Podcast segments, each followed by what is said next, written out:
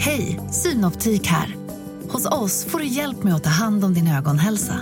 Med vår synundersökning kan vi upptäcka både synförändringar och tecken på vanliga ögonsjukdomar. Boka tid på synoptik.se. Hej och välkomna till Lisa läser. Det är jag som är Lisa. Och idag ska jag läsa Häxkatten. En blåsig marsdag år 1850 kom en stilig ung man vars hustru hade dött året innan till en liten stad i Virginia.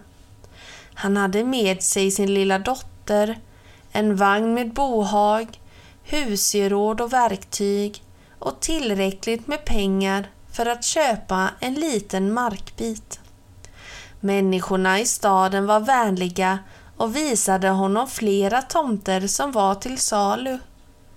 Innan han bestämde sig tog han en promenad genom utmarkerna och hittade en fin markbit bredvid en stor, stilla kärn. När han frågade om marken sa folk att ingen ägde den. Den hade tillhört en familj som flyttat från trakten efter en serie motgångar. De sa inte mycket mer, men gjorde sitt bästa för att få honom på andra tankar. Men inget förutom den marken dög till hans bondgård. Folket i grannskapet hjälpte honom att komma igång. Först fick han hjälp med att bygga en stuga och veckan därpå en ladugård. För sina sista pengar köpte han en häst, en ko och några höns. Han arbetade hårt med att röja mark och få åkrarna färdiga till sådden. Hans dotter mjölkade kon och matade hönsen. De verkade ha det bra, men människorna i staden sa till varandra att en sån bra kar borde gifta sig med det snaraste för att få det slags sällskap en man behöver och för att ge sin lilla flicka en mamma. Ibland när dagens arbete var avklarat brukade mannen sitta vid sjöstranden och fiska medan han drömmande tittade ut över vattnet som färgades gyllene, sen rött och till sist livla när solen gick ner. En kväll i skymningen såg han en liten eka komma över sjön. Den stakades fram av en lång, smal figur. Skenet från den nedåtgående solen gjorde det omöjligt att se om det var en man eller kvinna på vattnet. Men när båten kom närmare stranden såg han att främlingen hade hetta på huvudet. En stund senare när ekan mjukt stötte mot land ropade en ung kvinnas röst. Hallå! Hjälp mig i land är du snäll! Hon höll fram en späd hand, blek och tunn som benporslin. Som i en dröm sträckte bonden sig fram, tog emot handen och hjälpte henne ur båten och i land. Kvinnan tog av hettan och släppte ner sitt lockiga svarta hår. Ah, nu känns det bättre, sa hon. Att ro kan verkligen trötta ut en. För ett ögonblick svarade han inte. Han var fascinerad av hennes stora gröna ögon, bleka hy och läpparna som var utsökt formade och röda som en rosenknopp.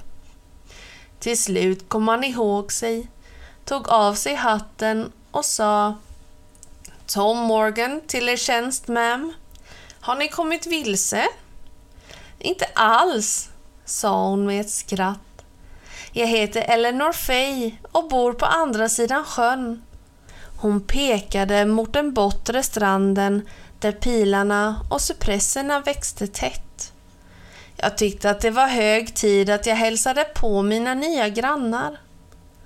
Tom var fortfarande omtumlad men bjöd upp henne för att titta på stugan och laggården och träffa hans dotter Effie. Eleanor sa Åh, oh.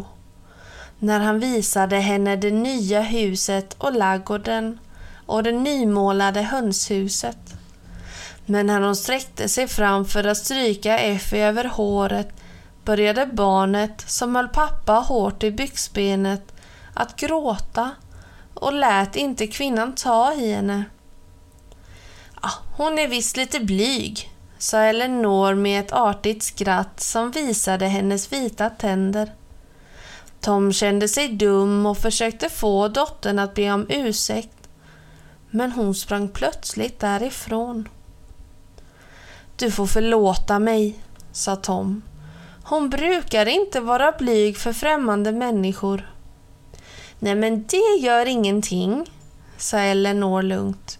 Vi blir säkert goda vänner snart. Det är nästan mörkt nu och, och jag måste hem, sa kvinnan. Nästa gång ska jag inte komma så sent. Tom följde henne ner till stranden. Han erbjöd sig att ro henne över sjön, men hon sa Nej, jag har varit änka i fem år och klarar mig själv. Det är inga problem. Stören såg knappt ut att röra vid vattnet innan ekan snabbt och tyst gled mot skuggorna på den motsatta stranden. Tom stod och tittade tills han inte längre kunde se Eleanor och hennes båt i det tilltagna mörkret. Efter det hälsade Eleanor på nästan varje dag. En gång tog hon med sig en burk hemlagad sylt. En annan gång hade hon en spetsduk med sig. Tom var helt bedårad, men Effie gömde sig om hon kunde. Om pappan tvingade henne att vara inomhus när Eleanor var på besök satt hon i ett hörn och tjurade och höll sig så långt bort från den leende kvinnan som möjligt. Eleanor blinkade med sina gröna ögon som hon försökte hålla tillbaka tårarna men tycktes alltid förlåta flickans uppförande. När Tom frågade Effie varför hon gjorde så där svarade hon Jag vet inte. Jag tycker bara inte om henne pappa. Och det bekymrade Tom mycket. För han hade förtrollats av den unga kvinnan och försökte samla mod för att våga fria till henne. Han åkte aldrig över sjön till hennes bondgård. Hon sa att hon föredrog att hälsa på honom och komma bort från sina sysslor. Allt hon sa lät vettigt, tyckte Tom. Förutom att Effie var vrång bekymrades Tom av att någonting tog hans hönor. Natt efter natt väcktes han av ett blodisande kattskrik följt av flaxande och skränande från hönshuset. Varenda gång han sprang ut för att se vad som hänt fattades en eller två hönor och det låg fjädrar överallt. Effie drömde mardrömmar om en stor katt med blixtrande gulgröna ögon som klättrade in genom hennes fönster i hennes rum och la sig vid fotsändan av sängen och väntade på att hon skulle somna så att den skulle kunna suga livsandan ur henne.